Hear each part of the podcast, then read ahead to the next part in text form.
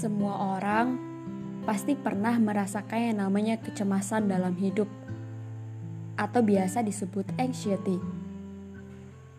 Rasa cemas yang terkadang membuat kita selalu merasa tertekan akan sesuatu hal yang belum terjadi dalam diri kita. Takut gak bisa sampai pada tujuan yang diharapkan.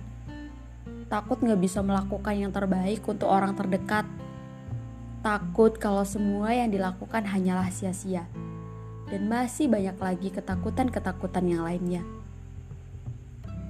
Terkadang, perasaan cemas itu muncul ketika kita sudah capek sama yang namanya hidup. Rasanya pengen nyerah aja gitu.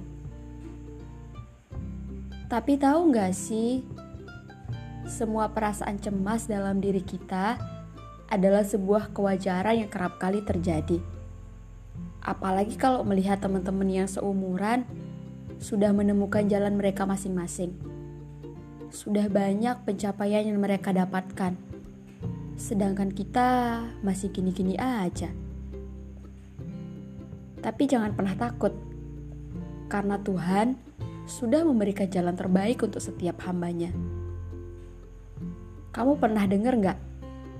Jam terbang masing-masing orang itu tidaklah sama ada yang duluan sampai, masih berproses, atau mungkin masih ada orang yang masih jalan di tempat. Ya, namanya juga hidup. Dinikmati saja setiap prosesnya. Jika suatu saat nanti kamu sampai pada tujuan yang kamu inginkan, kamu akan merasa bangga sama diri kamu sendiri. Kalaupun di tengah perjalanan kamu merasa gagal, kamu boleh kok berhenti sejenak untuk memulai kembali perjalanan hidup kamu. Semua hal yang kamu temui akan menjadi cerita indah di masa yang akan datang. Jadi jangan merasa cemas sama hidup kamu. Karena semesta sudah tahu yang terbaik buat kamu.